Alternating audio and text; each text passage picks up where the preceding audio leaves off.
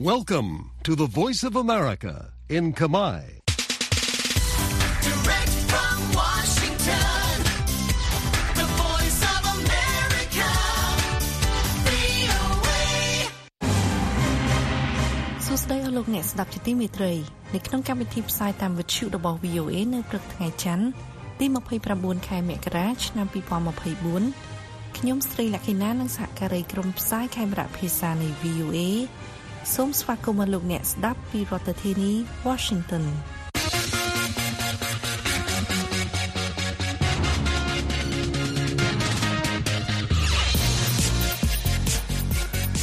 នៅក្នុងការផ្សាយរបស់ VOA ជាបន្តបន្តទៅនេះយើងមានសេចក្តីរាយការណ៍អំពីអ្នកនយោបាយថៃមានប្រជាប្រិយភាពលោកភីតារួចពីការចោទប្រកាន់ដើម្បីវិលត្រឡប់មកកាន់រដ្ឋសភាវិញអង្គការសហប្រជាជាតិ អំពាវនាវឲ្យហុងកុងទម្លាក់បទចោទប្រឆាំងនឹងលោកជីមីឡៃកសិករធ្វើស្រែប្រាំងនៅឃុំគោកបន្ទាយនៃខេត្តកំពង់ឆ្នាំងព្រួយបារម្ភពីបំណុលខណៈខ្វះទឹកបញ្ចូលស្រែនិងសេចក្តីរាយការណ៍អំពីលោក Trump ក្លាយជាឧបសគ្គដ៏ធំបំផុតសម្រាប់កិច្ចព្រមព្រៀងព្រំដែននិងថវិកាជួយអ៊ុយក្រែននិងអ៊ីស្រាអែលតទៅទីនេះសូមលោកអ្នកនាងស្ដាប់សេចក្តីរាយការណ៍ទាំងនេះដូចតទៅ កាលពីថ្ងៃពុធតុលាការថៃមួយបាននិយាយថាលោកភីតាលឹមចារឿងរ៉ាត់អ្នកនយោបាយមានប្រជាប្រិយភាពជាងគេរបស់ប្រទេសមិនបានរំលោភទៅលើបទបញ្ញត្តិនៃការបោះឆ្នោតដោយសារមានភាគហ៊ុននៅក្នុងបណ្ដាញសារព័ត៌មាននៅពេលលោកឈរឈ្មោះបោះឆ្នោតនោះទេដោយបានឲ្យលោករួចពីការចោទប្រកាន់ ហើយអាចដឹកនាំគណៈបកឈ្មោះទៅមុខឬគណៈបក Move Forward ដែលជាបកចម្រើននិយមរបស់ប្រទេសថៃអ្នកស្រី Vichara Dungdi រាយការណ៍ពីទីក្រុងបាងកកហើយលោកឈឹមសុមេតជួនសេចក្តីប្រែសម្រួលលោកភិថាអាយុ43ឆ្នាំ ប្រឈមនឹងការហាម5មិនឲ្យធ្វើនយោបាយនិងអាចជាប់ឃុំក្នុងពន្ធនាគារដោយសារលោកមានភាគហ៊ុននៅក្នុងក្រុមហ៊ុនបណ្ដាញសារព័ត៌មានដែលលែងដំណើរការមួយ មានឈ្មោះថា ITV តាមរយៈច្បាប់ថៃវិជាការខុសច្បាប់ដែលមានតេតិននឹងធុរកិច្ចបណ្ដាញសារព័ត៌មាននៅពេលចូលឈ្មោះសម្រាប់តំណែងសាធារណៈគណៈបករបស់លោកថាករណីនេះតេតិននឹងរឿងនយោបាយដោយអ្នកនយោបាយរាជានិយមរៀបរៀងការជឿនលឿនរបស់លោកមិនអោយបានកាន់តំណែងនាយករដ្ឋមន្ត្រី ក្រោយគណៈបកឈ្មោះទៅមុខបានទទួលអាសនៈច្រើនបំផុត ក្នុងការបោះឆ្នោតទូទៅ កាលពីខែឧសភា ឆ្នាំមុន លោកចៅក្រមពុញ្ញាអ៊ុឆាឈុនបាននិយាយថា ITV មិនបានធ្វើប្រតិបត្តិការជាក្រុមហ៊ុនបណ្ដាញសារព័ត៌មានទេ នៅពេលលោកភីតាចូលឈ្មោះសម្រាប់ការបោះឆ្នោតហើយមានភាគហ៊ុន មិនមែនជាការរំលោភច្បាប់ទេ ដូច្នេះឋានៈលោកជាសមាជិករដ្ឋសភាមិនបានបញ្ឈប់ឡើយឧបសគ្គទី1នេះជាបញ្ហាផ្លូវច្បាប់ធំទី1ក្នុងបណ្ដា ផ្លូវច្បាប់ធំធំពីរក្នុងមួយសប្តាហ៍សម្រាប់គណៈបកឈ្មោះទៅមុខដែលនិយមកំណែតម្រង់ពួកអ្នកកាន់អំណាចរាជានិយមស្រឡាងកាំងដោយសារគណៈបកនេះឆ្នះឆ្នោតបានទទួលកៅអីភិជាននៅក្នុងការបោះឆ្នោតកាលពីឆ្នាំទៅ ដោយផ្អានសន្យាថានឹងមកផ្អែកធុរកិច្ចផ្ដាច់មុខនិងបង្កើតសង្គមមួយ មានសមភាពជាងមុនគណៈបកឈ្មោះទៅមុខអាចត្រូវរំលាយ ប៉ះសិនបើតុលាការមួយ សម្រាប់នៅថ្ងៃទី31ខែមករាប្រឆាំងនឹងខ្លួន អំពីសំណើមួយ ក្នុងចំណោមសេចក្តីស្នើសំខាន់សំខាន់របស់ខ្លួន ដោយសុំឲ្យកែប្រែច្បាប់ស្តីពីការប្រមាថព្រះជាស្ដាដែលដាក់ទោសជាប់គុកសម្រាប់អ្នករិះគន់របបរាជាធិបតេយ្យមុនសេចក្តីសម្រេចនៅថ្ងៃពុធទី24ខែមករាលោកភិថាបានថ្លែងប្រាប់ក្រុមអ្នកកសែតថា លទ្ធផលអវិជ្ជមានមួយជាការវៀងផ្លូវនៃការធ្វើដំណើរដ៏វែងឆ្ងាយដើម្បីកែតម្រង់ប្រទេសថៃលោកបាននិយាយថាទោះជាមានសាលក្រមនៅថ្ងៃនេះបែបណាក៏ដោយក៏យើងធ្វើការជូនលោកអ្នកយើងនឹងបន្តប្រយុទ្ធសម្រាប់លោកអ្នកសម្រាប់អបអសាទរថាលោកភីតាសម្រាប់តំណែងនាយករដ្ឋមន្ត្រី មានឡើងពីក្រុមអ្នកគ្រប់គ្រងគណៈបកឈ្មោះទៅមុខ ដែលបានប្រមូលផ្ដុំគ្នានៅចិត្តតុលាការនោះនៅពេលមានការប្រកាសអំពីសេចក្តីសម្រេចជាវិជ្ជមាននេះលោកសាកុនកម្មតែរងអាយុ59ឆ្នាំជាអ្នកគ្រប់គ្រងម្នាក់ពាក់ក្បាំងមុខមានរូបលោកភិតាបាននិយាយប្រាប់ VOA ថាខ្ញុំសប្បាយចិត្តដោយដឹងថាលោកភិតានឹងវិលទៅកាន់រដ្ឋសភាវិញជាមិនទាន់ប្រសិនបើខ្ញុំអាចធ្វើបានខ្ញុំនឹងអមដំណើរលោកទៅកាន់រដ្ឋសភាដោយផ្ទាល់នៅថ្ងៃនេះ តែខ្ញុំក៏ចង់ឲ្យអ្នកដែលធ្វើឲ្យលោករងចាំយូរទទួលខុសត្រូវដល់ការនេះដែរការរស់រានមានជីវិតខាងនយោបាយរបស់លោកភីតាមានន័យថាលោកអាចទទួលតម្រែងជាមេដឹកនាំក្រុមប្រឆាំងមកវិញ នៅក្រៅលោកបានដកខ្លួនចេញដោយរងចាំសេចក្តីសម្រេចរបស់តុលាការលោកឆាត្រីឈុំឈីដែលជាអ្នករាជការម្នាក់បាននិយាយថា លោកសប្បាយចិត្តណាស់ចំពោះការវិលត្រឡប់របស់លោកភីថាមកធ្វើនយោបាយវិញ លោកបានថ្លែងថានៅពេលនេះចូលសង្ឃឹមថាគណៈបច្ចុប្បន្នទៅមុខក៏រស់រានមានជីវិតដែរឧបសគ្គខាងផ្លូវច្បាប់ករណីប្រឆាំងនឹងលោកត្រូវបានលើកឡើងដោយគណៈកម្មការរៀបចំការបោះឆ្នោតក្នុងពេលខ្លីក្រោយការបោះឆ្នោតដែលបានបង្ហាញការគ្មានប្រជាប្រិយភាពខ្លាំងរបស់ពួកឧត្តមសេនីយ៍កាន់តំណែងនៅពេលនោះ ក្រុមឧត្តមសេនីយ៍ទាំងនេះបានធ្វើឲ្យមានការមិនជិតស្និទ្ធជាមួយក្រុមយុវជន ពួកអ្នកក្រុងជនក្រីក្រតាមជនបទនិងក្រុមរាជានិយមខ្លះផងដែរដែលបណ្ដាលឲ្យអ្នកបោះឆ្នោតរាប់លានអ្នកគ្រប់គ្រងគោលនយោបាយថ្មីថ្មីរបស់គណៈបកឆ្ពោះទៅមុខលោកភីតាដែលបានសិក្សានៅសាកលវិទ្យាល័យ Harvard ហៀបបានកាន់តំណែងនាយករដ្ឋមន្ត្រីហើយ មុនបណ្ដឹងរបស់គណៈកម្មការរៀបចំការបោះឆ្នោតនាំឲ្យមានការព្យួរតំណែងលោកក្នុងសភាកាលពីខែកក្កដាមុនការនេះនាំឲ្យព្រឹទ្ធសភាត្រូវតែងតាំងដោយក្រុមអភិរក្សនិយមមានដែរដើម្បីបោះឆ្នោតប្រឆាំងនឹងបេក្ខភាពនាយករដ្ឋមន្ត្រីរបស់លោកហើយគ្រប់គ្រងបេក្ខជនដែលពួកគេចូលចិត្តវិញលោកសេដ្ឋាថាវិសិនមហាសេដ្ឋីអចលនទ្រព្យអាយុ61ឆ្នាំបានលេចឡើងជានាយករដ្ឋមន្ត្រី ហើយលោកបានបង្កើតរដ្ឋាភិបាលចម្រុះមួយ ជាមួយពួកអិសរាជជននៃអតីតរដ្ឋបាល តែគ្រប់គ្រងដោយគណៈបកភឿថៃរបស់លោកលោកបានប្រឹងប្រែងតាក់ទាញទឹកចិត្តសាធារណជន ជាពិសេសក្រុមអ្នកបោះឆ្នោតឲ្យគណៈបកឆ្ពោះទៅមុខដែលនិយាយថាលោកតំណាងសន្តិភាពធ្នាប់ចាស់ ទោះជាលោកបានសន្យាថានឹងធ្វើឲ្យប្រទេសថៃទំនើបជាងមុននឹងធ្វើឲ្យប្រជារាស្ត្រគ្រប់គ្នា មានធនធានច្រើនជាងមុនក៏ដោយពួកអ្នកកាន់អំណាចរាជានិយមផ្កាប់មុខនៃប្រទេសថៃ បានចំណាយពេលវេលាជិត20ឆ្នាំ ដើម្បីទម្លាក់រដ្ឋាភិបាលជាប់ឆ្នោតតាមប្រជាធិបតេយ្យដោយធ្វើរដ្ឋប្រហារឬប្រើការសម្រេចរបស់តុលាការពួកអ្នកជំនាញនិយាយថាគណៈបកចំពោះទៅមុខ Move Forward Party ជាឧបសគ្គរយៈពេលយូរធំបំផុតរបស់ក្រមរាជានិយមដោយការអំពាវនាវមានប្រជាប្រិយភាពរបស់បកនេះនាំឲ្យមានការកែតម្រង់ស៊ីជម្រៅដល់ប្រព័ន្ធអំណាចនៃប្រទេសថៃគណៈបកមួយមុនបកឆ្ពោះទៅមុខគឺគណៈបកឆ្ពោះទៅអនាគត Future Forward និងស្ថាបនិកបកនេះត្រូវបានតុលាការហាម5កាលពីឆ្នាំ2020ហើយការនេះ បានបើកផ្លូវឲ្យលោកភិថាលេចឡើងជាតារានយោបាយថ្មីនៃប្រទេសថៃពួកសមាជិកសភានៃគណៈបកឆ្ពោះទៅមុខ Move Forward Party ថ្លែងថាក្រុមអ្នកបោះឆ្នោតនៅប្រទេសថៃ ជាពិសេសក្រុមយុវជន ដែលបានធំធាត់នៅពេលរដ្ឋាភិបាលយោធាឬរដ្ឋាភិបាលចាត់ចែងដោយពួកយោធាកាន់អំណាចធុញទ្រាន់នឹងកលល្បិចរបស់ពួកអ្នកកាន់អំណាចក្នុងការបិទកំណែតម្រង់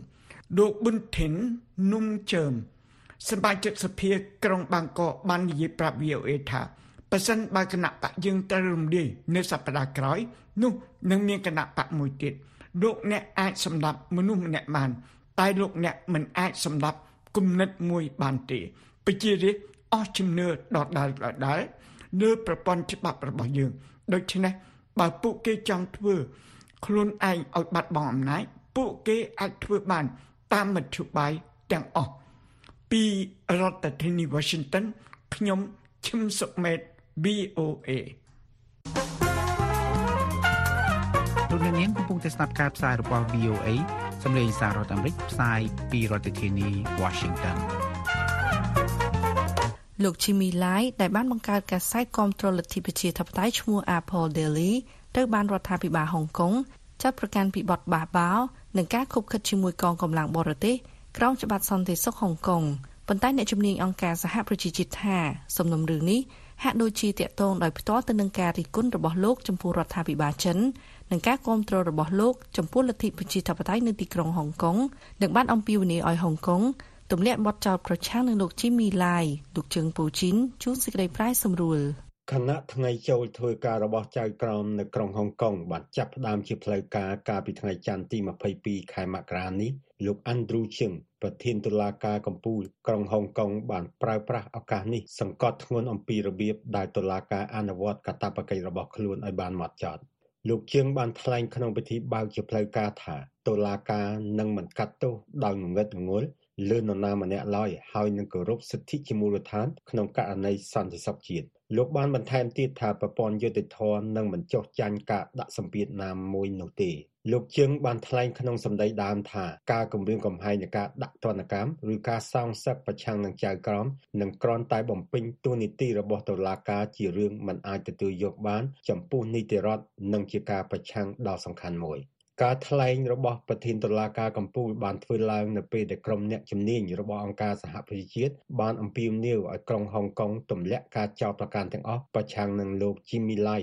ដែលជាអ្នកបោះពុម្ពផ្សាយគាំទ្រលទ្ធិប្រជាធិបតេយ្យលោកឡៃស្ថិតនៅក្នុងសាវនាការអស់រយៈពេល1ខែហើយក្រោមការចោទប្រកាន់ពីបទបះបោរនិងការខុបខិតជាមួយកងកម្លាំងបរទេសក្រោមច្បាប់សន្តិសុខជាតិក្រុងហុងកុង អ្នកបោះពុម្ពផ្សាយវ័យ76ឆ្នាំរូបនេះបានបដិសេធការចោទប្រកាន់នេះក៏ប៉ុន្តែប្រសិនបើត្រូវបានផ្តន្ទាទោសលោកអាចប្រឈមមុខនឹងការជាប់ពន្ធនាគារអស់មួយជីវិតនៅក្នុងសេចក្តីថ្លែងការណ៍មួយដែលចេញផ្សាយកាលពីថ្ងៃច័ន្ទទី22ខែមករាអ្នកជំនាញអង្គការសហប្រជាជាតិចំនួន4រូបបានអំពាវនាវឲ្យក្រុងហុងកុងទម្លាក់បទចោទប្រឆាំងនឹងលោកឡៃ បរិសុជនជាតិអង់គ្លេសដែលបានបង្កើតកសែតគាំទ្រលទ្ធិប្រជាធិបតេយ្យឈ្មោះ Apple Daily រូបនេះត្រូវបានឃុំខ្លួនតាំងពីការចាប់ខ្លួននៅឆ្នាំ2020មកសារព័ត៌មានរបស់លោកបានបិទទ្វារក្រោយការចាប់ខ្លួននាយកប្រតិបត្តិជាន់ខ្ពស់និងការបង្កកទ្រព្យសម្បត្តិ ក្រមរដ្ឋអាជ្ញាក្នុងសំណុំរឿងនេះបានពណ៌នាលោកឡៃថា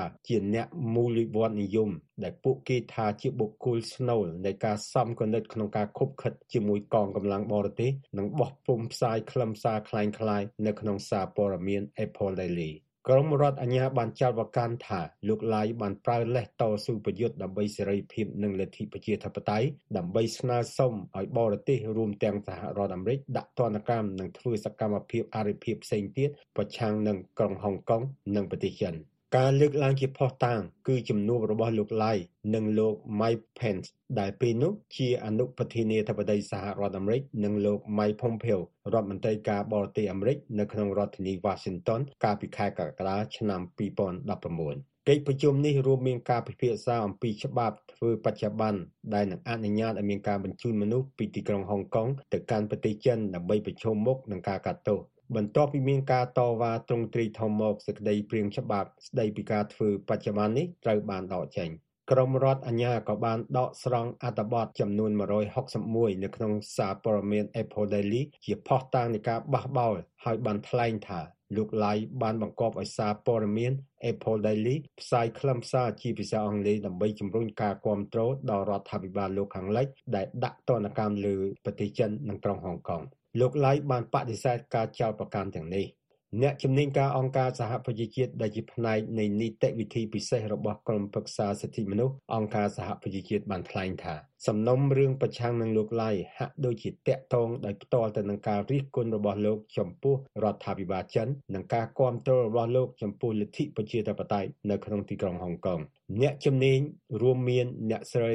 Iran Khan អ្នករាយការណ៍ពិសេសទទួលបន្ទុកសេរីភាពនៃការបញ្ចេញមតិ លោក Clement Neyaletsousi Wool អ្នករាយការណ៍ពិសេសទទួលបន្ទុកសិទ្ធិសេរីភាពក្នុងការជួបប្រជុំដោយសន្តិវិធី អ្នកស្រី Alicia Evers អ្នករាយការណ៍ពិសេសទទួលបន្ទុកការធ្វើទារុណកម្មនិងអ្នកស្រី Margaret Satterwhite អ្នករាយការណ៍ពិសេសទទួលបន្ទុកឯករាជ្យភាពរបស់ចៅក្រមនិងមេធាវី ក្រុមប្រឹក្សានេះបានរំលឹកឡើងវិញនូវការព្រួយបារម្ភរបស់ខ្លួនអំពីច្បាប់សន្តិសុខរបស់ក្រុងហុងកុងដែលពួកគេថាមិនស្របតាមកាតព្វកិច្ចអន្តរជាតិ អង្គការសហប្រជាជាតិបានថ្លែងថាការកាត់ក្តីរបស់លោកឡៃជាករណីទី2ដែលចោទប្រកាន់ក្រោមច្បាប់សន្តិសុខជាតិបន្ទាប់ពីសំណុំរឿងពាក់ព័ន្ធនឹងសកម្មជនគាំទ្រលទ្ធិប្រជាធិបតេយ្យចំនួន47នាក់ដែលកំពុងរងចាំសាលក្រមអ្នកជំនាញអង្គការសហប្រជាជាតិបានថ្លែងថាយើងសូមបញ្ជាក់ឡើងវិញថាច្បាប់សន្តិសុខជាតិដែលមានទណ្ឌកម្មព្រហ្មទណ្ឌមិនគួរត្រូវបានប្រើប្រាស់ខុសចំពោះអ្នកដែលអនុវត្តសិទ្ធិសេរីភាពក្នុងការបញ្ចេញមតិនិងការប្រមូលផ្ដុំនិងការជួបប្រជុំដោយសន្តិវិធីឬដកហូតសិទ្ធិសេរីភាពផ្ទាល់ខ្លួនរបស់ពួកគេតាមរយៈការចាប់ខ្លួននិងការឃុំឃាំងនោះទេក្រុងហុងកុងបានវាយបកនឹងការរិះគន់ថាច្បាប់នេះកំពុងប៉ះពាល់ដល់សេរីភាពព័ត៌មានអ្នកស្រី Carrie Lam អតីតនាយកប្រតិបត្តិនៃទីក្រុងហុងកុងធ្លាប់បានថ្លែងថា ករណីសារព័ត៌មាន Apple Daily ពាក់ព័ន្ធនឹងសកម្មភាពគួរឲ្យសង្ស័យដែលបង្កគ្រោះថ្នាក់ដល់សន្តិសុខជាតិមិនមែនពាក់ព័ន្ធនឹងសេរីភាពប្រព័ន្ធផ្សព្វផ្សាយនោះទេករណីរបស់លោកឡៃត្រូវបានអ្នកតស៊ូមតិសេរីភាពសារព័ត៌មានមើលឃើញថាជាការសាកល្បងលើការបដិញ្ញាចិត្តរបស់ហុងកុងចំពោះសារព័ត៌មានសេរី គណៈកម្មការការពារអ្នកកសែតដែលមានមូលដ្ឋាននៅក្នុងទីក្រុងញូវយ៉កបានចាត់ទុកប្រទេសចិនជាប្រទេសដែលមានអ្នកកសែតជាប់ពន្ធនាគារច្រើនជាងគេដែលមានចំនួន44នាក់និងបានថ្លែងថាឥទ្ធិពលរបស់រដ្ឋាភិបាលក្រុងប៉េកាំងកំពុងត្រូវបានគេមើលឃើញនៅក្នុងទីក្រុងហុងកុងអ្នកស្រី Judy Ginsburg នាយកប្រតិបត្តិគណៈកម្មាធិការ CPG បានថ្លែងថាអ្វីដែលយើងមើលឃើញក្នុងពេលប៉ុន្មានឆ្នាំថ្មីថ្មីនេះគឺថា ក្រុងហុងកុងបានអនុវត្តតាមច្បាប់សន្តិសុខជាតិដ៏ឃោរឃៅរបស់រដ្ឋាភិបាលក្រុងប៉េកាំងដើម្បីបង្ក្រាបអ្នកដែលត្រូវបានចាត់ទុកថាជាអ្នកគាំទ្រលទ្ធិប្រជាធិបតេយ្យរួមទាំងអ្នកសារព័ត៌មានដែលនិយាយការពិតចំពោះអ្នកកាន់អំណាចផងដែរអ្នកស្រី Ginsburg បានថ្លែងទៀតថាករណីរបស់លោកឡៃជាការសាកល្បងដ៏មានអនុភាពនិងសំខាន់មិនគួរឲ្យជឿលើការបដិញ្ញាចិត្តរបស់ក្រុងហុងកុងចំពោះសារព័ត៌មានសេរី វាពិតជាមានសារៈសំខាន់ណាស់ដែលយើងមើលឃើញសហគមន៍អន្តរជាតិនិយាយគាំទ្រលោកជីមីឡៃដើម្បីគាំទ្រដល់សារព័ត៌មានសេរីនោះពីរដ្ឋធានី Washington ខ្ញុំជាងពូជីន VOA Direct from Washington, the voice of America, VOA. ស្របពេលដែលអាជ្ញាធរនៅក្នុងខេត្តដែលមានសក្តានុពលធ្វើកសិកម្មមួយចំនួន បានជួលដំណឹងឲ្យកសិករផ្អាកការធ្វើស្រែប្រាំងដោយអះអាងថាបារម្ភពីការខ្វះទឹកសម្រាប់ប្រើប្រាស់នៅក្នុងរដូវប្រាំងកសិករនៅឃុំគោកបន្ទាយស្រុករលាផ្អៀខេត្តកំពង់ឆ្នាំងដែលពឹងអាស្រ័យទៅលើការធ្វើស្រែប្រាំងកំពុងត្អូញត្អែពីផលប៉ះពាល់នឹងការជំពាក់បំណុលខណៈដែលដំណាំស្រូវរបស់ពួកគេចាប់ផ្ដើមងាប់ជាបណ្ដើបណ្ដើដោយសារតែខ្វះទឹកបញ្ចូលស្រែអ្នកនាងកាន់វិជ្ជការ រាយការណ៍លម្អិតឲ្យ VOA ពីស្រុករលាផ្អៀខេត្តកំពង់ឆ្នាំងដូចតទៅជារៀងរាល់ដើមឆ្នាំកសិករក្នុងឃុំគោកបន្ទាយស្រុករលាផ្អៀខេត្តកំពង់ឆ្នាំងតែងធ្វើស្រែប្រាំងដើម្បីជីវភាពរស់នៅខណៈពួកគេមិនអាចធ្វើស្រែវស្សាបានដោយសារទឹកជំនន់សម្រាប់ឆ្នាំនេះពួកគេមិនអាចធ្វើសូម្បីតែស្រែប្រាំងដោយសារខ្សត់ទឹកបញ្ចូលស្រែអ្នកស្រីខនស្រីនិតកសិករក្នុងភូមិគោកបន្ទាយឃុំគោកបន្ទាយស្រុករលាផ្អៀខេត្តកំពង់ឆ្នាំងបានរៀបរាប់ថា ស្រែរបស់អ្នកស្រីចំនួន8ហិកតាចាប់ផ្ដើមងាប់បណ្ដើបណ្ដើដោយសារគ្មានទឹកបញ្ចូលស្រែតាំងពីចុងខែធ្នូឆ្នាំ2023មកស្រែខ្ញុំទាំងអស់8ហិកតាប៉ុន្តែងាប់អស់មួយហិកខ្លះហើយអាផ្សេងទៀតខ្ញុំនៅដេកចាំបូមទឹកប្រភេងនៅនឹងនៅនិយាយទៅ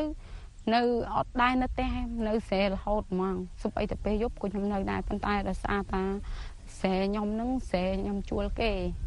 ហើយអា8ហិកតាហ្នឹងមួយហិកមួយហិកតាកន្លះហ្នឹងងាប់ឆឹងហើយហើយអាប្រហែលហិកតាទៀតហ្នឹងក៏វាត្រៀមងាប់ដែរដោយសារអត់ទឹកប៉ុន្តែចេះតែស្វាប់ស្វែងទៅ ជារៀងរាល់ឆ្នាំអ្នកស្រីខនស្រីនិតត្រូវចំណាយប្រាក់ប្រមាណ23លានរៀលទៅលើថ្លៃជីប្រេងនិងថ្នាំសម្រាប់ដំណាំស្រូវអង្ករក្នុងដីទំហំ8ហិកតាប៉ុន្តែឆ្នាំនេះអ្នកស្រីត្រូវប្រឈមនឹងការជំពាក់បំណុលគេបន្ថែមទៀតបើគ្មានទឹកសង្គ្រោះស្រូវដែលកំពុងចាប់ផ្ដើមស្កក ក្នុង8ហិកតាហ្នឹងបើមួយហាត់បាន5តោនវាបាន40តោនដែរបើ40តោនមួយតោនបាន1លាន20យើងបានច្រើនដែរអញ្ចឹងយើងដកតាម23លានឲ្យគេទៅសល់ប្រហែលយើងឲ្យតែថ្លៃព្យួរនិងថ្លៃច្រូតកាត់អីទៅអត់ទៅព្រោះព្យួរយើងឲ្យយើងជឿគេដែរដល់ពេលអញ្ចឹងយើងសល់ច្រើនដែរវារៀងបានធូរធារដែរប៉ុន្តែបើសិនជាងាប់អស់អញ្ចឹងខ្ញុំអត់ដឹងបានអីសងគេទេក្នុងខែមករានេះ អាជ្ញាធរក្នុងខេត្តដែលមានសក្តានុពលខាងកសិកម្មដូចជាខេត្តពោធិ៍សាត់បាត់ដំបងកំពង់ឆ្នាំងនិងព្រៃវែងជាដើមបានជូនដំណឹងឲ្យកសិករផ្អាកការធ្វើស្រែប្រាំងដោយបារម្ភពីការខ្វះទឹកសម្រាប់ប្រើប្រាស់ក្នុងរដូវប្រាំងនៅឯភូមិពពែលពកឃុំគោកបន្ទាយវិញក្នុងរយៈពេលជាង10ឆ្នាំមកនេះលោកសួនស្រឿនតែងធ្វើស្រែប្រាំងដោយគ្មានបញ្ហាខ្វះទឹកខ្លាំងដូចឆ្នាំនេះឡើយលោកថា កសិករនៅតំបន់ខាងលើនាំគ្នាធ្វើស្រែប្រាំងដោយសារតម្លៃស្រូវឆ្នាំនេះបានថ្លៃតែជាអកុសល ឆ្នាំនេះរាំងស្ងួតខ្លាំងដោយសារអត់ភ្លៀងឆ្នាំនេះវាខូចខាតច្រើនណាស់ដោយសារវាអត់មានទឹកប្រព័ន្ធទឹកវាពីលើវាអត់មានហ្នឹងមានថាវាអត់អត់គ្រប់តែគ្នាហ្នឹងហើយខ្ញុំស្វិតចង់អាថងអស់ដែរហ្នឹងហើយក្នុងរយៈពេល2សប្តាហ៍ខាងមុខ ស្រែរបស់លោកសួនស្រឿនទំហំ2ហិកតាដែលកំពុងចាប់ផ្ដើមស្រពោនអាចនឹងមិនអាចស្រោចស្រង់បានបើនៅតែគ្មានទឹកបង្ហូរចូលស្រែខាតច្រើនដែរមិនគាត់ថាយកលុយគេឡើងបាន5 6លានដែរហ្នឹងណាគាត់ថាជីយកទុកទៀតខ្លាចយើងអត់ទៅយកភ្លាមភ្លាមទេយកមកវាជាង13អញ្ចឹងបាច់ឲ្យមកសាខ្ទេចទីអស់ហើយបាច់វានៅតែសាទី2ហ្នឹងអស់ហើយជីហ្នឹង ដល់ពេលអាបាច់មកសាហ្នឹងត្រូវវាខៀវអញ្ចឹងហើយឥឡូវវាចាប់ដើមងាប់ហើយពូនអញ្ចឹងណាគណៈកសិករក្នុងឃុំគោកបន្ទាយត្អូញត្អែពីផលប៉ះពាល់និងក្តីបារម្ភពីការជំពាក់បំណុលធ្ងន់វ័នកដោយសារស្រូវងាប់បណ្ដាបណ្ដាគេឃើញថាអាជ្ញាធរខេត្តនិងស្រុកក៏បានអន្តរាគមន៍ដោយជីកប្រឡាយខ្លះសម្រាប់ភូមិមួយចំនួន ប៉ុន្តែក្រុមកសិករថាអន្តរាគមន៍របស់អាជ្ញាធរមិនទាន់គ្រប់គ្រាន់ក្នុងការស្រោចស្រង់ស្រែដែលស្ថិតនៅផ្នែកខាងលើនៅឡើយទេលោកជ័យសលួតប្រធានសហគមន៍កសិកម្មជ័យជំនះស្ថិតក្នុងឃុំគោកបន្ទាយស្រុករលាបអៀខេត្តកំពង់ឆ្នាំងបានប្រាប់ VOA ថា អញ្ញាធរបានជីកប្រឡាយនៅតាមតំបន់មួយចំនួនដែលភាគច្រើនស្ថិតនៅផ្នែកខាងក្រោមប៉ុន្តែសម្រាប់ស្រែនៅផ្នែកខាងលើនៅតែប្រឈមនឹងការអត់ទឹកដដែល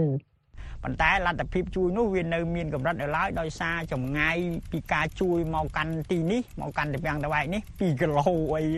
ទឹកឯណារត់ពីខោមប្រជះឡើងលើមក2គីឡូកើនអញ្ចឹងហើយបានធ្វើឲ្យស្រែទាំងអស់នេះនៅតំបន់តំពាំងតវ៉ែក នៅចិត្តទីតាំងតំពាំងតវ៉ែកនេះវាប្រឈមនឹងការខូចខាតទាំងស្រុងដោយសារបញ្ជូនទឹកពីបឹងធំប្រច្រាស់មកវិញដល់ពេលប្រច្រាស់មកវិញទឹករត់ឡើងលើហើយទឹករត់ចុះក្រោមវាខុសគ្នាហើយអញ្ចឹងណាអញ្ចឹងវាធ្វើឲ្យផលប៉ះពាល់ស្រែរាប់សិបហិកតាហ្នឹងផាកប្រហែល100 200 300ហ្នឹងរងប្រឈមនឹងការខូចខាតទាំងស្រុងហើយនៅពេលខាងមុខនេះ លោកជ័យសលួតបន្ថែមថាលោកចង់ឲ្យអ្នកពាក់ព័ន្ធអន្តរាគមន៍ក្នុងការជីកប្រឡាយនិងបូមទឹកឲ្យបានគ្រប់ជ្រុងជ្រោយនិងត្រៀមស្តុកទឹកឲ្យបានគ្រប់គ្រាន់ដើម្បីធានាថានៅឆ្នាំក្រោយៗនឹងគ្មានបញ្ហាខ្វះទឹកដូចឆ្នាំនេះផែនការអនាគតមានតែធ្វើបន្លាយពីបឹងធំនឹងជាយុទ្ធសាស្ត្រឲ្យវាទ្រង់ទ្រីធំមកអាជើងទំនប់នឹងឲ្យដល់ផ្លូវជាតិលេខ5ទៅជម្រៅ10ម៉ែត្រទៅក្រោមទៅទៅតឹង5 10ម៉ែត្រ20ម៉ែត្រមកឲ្យវាធំឡើងមក វាខ្វះអីអ្នកគេយកដីចាញ់នោះឲ្យគេដឹកយកលក់ទៅហើយយកអាបន្លាយនឹងធ្វើជាប្រព័ន្ធធារាសាស្ត្រទៅធ្វើដាក់ប្រព័ន្ធសូឡាបូមទឹកទៅវាគ្រាន់តែចុចតាមេដែកនិយាយវាចាញ់ទឹកទៅហើយវាមិនខ្វះទេប៉ុន្តែអ្វីដែលខ្វះគឺប្រាជ្ញាស្មារតី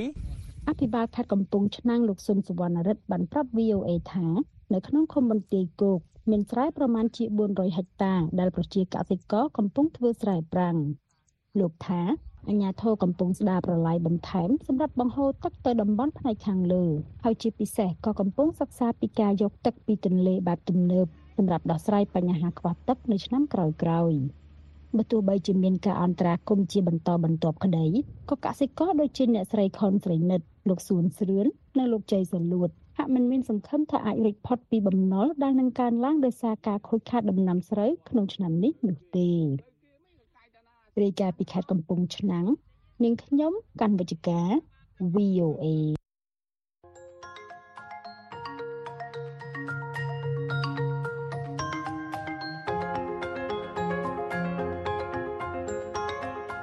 សូមស្វាគមន៍មកកាន់កម្មវិធី podcast កម្ពុជាសម្លឹងទៅមុខរដូវកាលទី2ប្រិមិត្តជាទីមេត្រី កាលពីរដូវកាលទី1អស់លោកអ្នកនាងបានស្ដាប់កម្មវិធី podcast កម្ពុជាសម្លឹងទៅមុខដល់ទៅ16ភាគដែលក្រុមអ្នកស្រាវជ្រាវកម្ពុជាឆ្នើមនិងវ័យក្មេងជាច្រើនអ្នកបានពិភាក្សានិងបកស្រាយអំពីទស្សនវិស័យនិងសក្តានុពលដែលជំរុញឲ្យមានការផ្លាស់ប្តូរវិជ្ជមានលើវិស័យនានាក្នុងប្រទេសកម្ពុជារាប់ទាំងវិស័យអប់រំសេដ្ឋកិច្ចសុខាភិបាលការទូតបរិស្ថាននិងអភិបាលកិច្ចជាដើមរដូវកាលទី2របស់យើងនឹងបដោតលើប្រធានបទធំមួយដែលយើងហៅថាវប្បធម៌ Digital ឬជាភាសាអង់គ្លេស Digital Culture និយាយទៅវាសំដៅលើឱកាសនិងកត្តាប្រឈមនៃការប្រើប្រាស់បច្ចេកវិទ្យានានាដើម្បីដោះស្រាយបញ្ហាប្រឈមក្នុងសង្គមនិងជំរុញឲ្យមានការផ្លាស់ប្តូរវិជ្ជមានជាបន្តបន្ទាប់ហើយជាពិសេសបង្កើនលទ្ធភាពឲ្យកម្ពុជាសម្រេចបាននូវគោលដៅអភិវឌ្ឍរបស់ខ្លួនក្នុងគ្រប់វិស័យដោយរដូវកាលទី1ដែរលោកអ្នកនាងអាចស្ដាប់ podcast កម្ពុជាសម្លឹងទៅមុខវប្បធម៌ Digital ឬ Digital Culture នេះតាម Apple Podcast Google Podcast Spotify និងតាមគេហទំព័ររបស់យើង khmer.vnews.com/envisioncambodia digital culture ហើយសូមកុំភ្លេច subscribe សូមអរគុណអតីតប្រធានាធិបតីសហរដ្ឋអាមេរិកលោក Donald Trump ដែលទំនងនឹងក្លាយជាបេក្ខជនប្រធានាធិបតីរបស់គណៈបក្សសាធារណរដ្ឋបានគម្រាមថានឹងលុបចោលកិច្ចព្រមព្រៀងមួយ ដែលនឹងផ្ដល់ជំនួយបរទេសចំនួន100,000លានដុល្លារសម្រាប់ប្រទេសអ៊ុយក្រែនអ៊ីស្រាអែលនិងតៃវ៉ាន់និងសម្រាប់ពង្រឹងការគ្រប់គ្រងអន្តោប្រវេសន៍ដែលសេតវិមាននិងសមាជិកប្រសិទ្ធិអាមេរិកមកពីគណៈបកទាំងពីរបានចរចាគ្នាអស់រយៈពេលជាច្រើនខែមកហើយប្រធានការិយាល័យ VOA ប្រចាំសេតវិមានអ្នកស្រីភេតស៊ីវីដាគូស្វារ៉ារាយការណ៍អំពីរឿងនេះហើយលោកជ្រាវណ្ណរិទ្ធជួនសេចក្តីប្រាយសម្រួលដូចតទៅ អតីតប្រធានាធិបតីលោកដូណាល់ត្រាំដែលទំនងក្លាយជាបេក្ខជនប្រធានាធិបតីនៃបកសាធារណរដ្ឋបានឈ្នះការបោះឆ្នោតបឋមក្នុងរដ្ឋ New Hampshire កាលពីថ្ងៃទី23មករាដោយមានអ្នកគាំទ្រដែលចាត់ទុកបញ្ហាអន្តោប្រវេសន៍ជាបញ្ហាសំខាន់បំផុតក្នុងការបោះឆ្នោតប្រធានាធិបតីអាមេរិកឆ្នាំ2024លោកថ្លែងថា We have millions and millions of people flowing into our country. មនុស្សរាប់លានអ្នកចូលមកប្រទេសយើងដោយខុសច្បាប់ ពួកគេចេញពីគុកនិងកន្លែងដាក់អ្នកមានជំងឺផ្លូវចិត្ត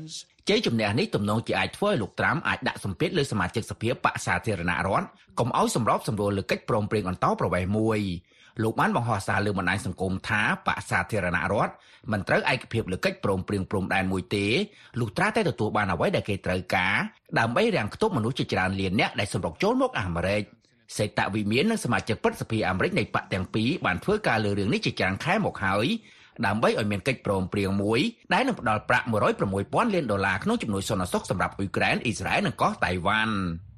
សមាជិកសភាបកសាធារណរដ្ឋទទូចថាច្បាប់នេះត្រូវបញ្ចូលផងដែរនៅថវិកាសន្តិសុខព្រំដែននិងពង្រឹងការគ្រប់គ្រងអន្តោប្រវេសន៍កាលពីសប្តាហ៍មុនប្រធានាធិបតី Biden ថាលោកសង្ឃឹមថាកញ្ចប់ជំនួយនេះនឹងអាចឆ្លងផុតយ៉ាងហោចណាស់ក៏ព្រឹទ្ធសភាអាមេរិកដែរ Now the question is for the ពេលនេះសំណួរស្ថិតនៅលើប្រធានរដ្ឋសភានិងសមាជិករដ្ឋសភាបកសាធារណរដ្ឋ តើគេត្រៀមខ្លួនធ្វើសកម្មភាពហើយឬនៅ សកម្មជនអន្តោប្រវេសន៍មិនមានសុតិធិនិយមទេ អ្នកស្រីលីផារ៉ាដាប្រធានក្រុមអ្នកតស៊ូមតិនៃមជ្ឈមណ្ឌលអន្តោប្រវេសន៍ថ្លែងថា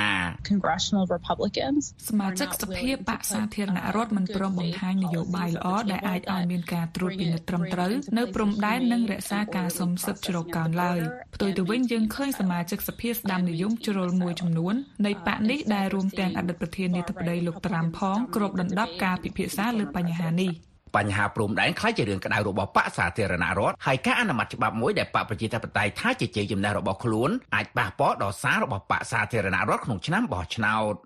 លោក Norman Austin អ្នកស្រាវជ្រាវជាន់ខ្ពស់ចូលនៅវត្តនៃវិទ្យាស្ថាន American Enterprise ថ្លែងថា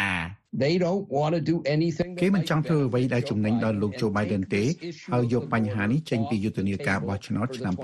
2024 គណៈសង្គ្រាមនៅហ្គាហ្សានិងអ៊ុយក្រែននៅបន្តនយោបាយការបរទេសបានក្លាយជាបញ្ហាបារម្ភកាន់តែខ្លាំងឡើងក្នុងចំណោមពលរដ្ឋអាមេរិកក្នុងឆ្នាំនេះការស្ទង់មតិរបស់ AP និងមជ្ឈមណ្ឌល NORC រកឃើញថាពលរដ្ឋអាមេរិក60%ថានយោបាយការបរទេសគួរជាការផ្ដោតសំខាន់ក្នុងឆ្នាំ2024នេះដែលកើនឡើងពី41%កាលពីឆ្នាំទៅ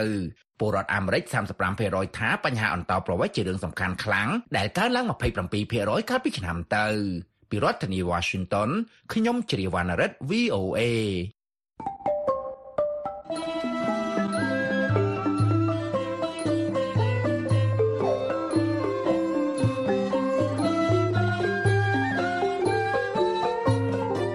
កម្មវិធីផ្សាយរបស់ VOA នៅព្រឹកនេះចប់តែប៉ុណ្ណេះប៉ុន្តែលោកអ្នកនាងនឹងអាចស្ដាប់ឬអានព័ត៌មានរបស់ VOA ឡើងវិញបាន តាមរយៈគេហទំព័រ khmae.voanews.com សំឡេងអ្នកនាងរងចាំស្ដាប់ការផ្សាយបន្តផ្ទាល់របស់យើងខ្ញុំនៅរាត្រីនេះពីម៉ោង8:30នាទីដល់ម៉ោង9:30នាទីតាមរលកវិទ្យុ 25m ត្រូវនឹងកម្រិត11695និង1575 kHz សំឡេងអ្នកនាងប្រកបដោយសុភមង្គលគ្រប់ប្រការអរុនសួស្ដី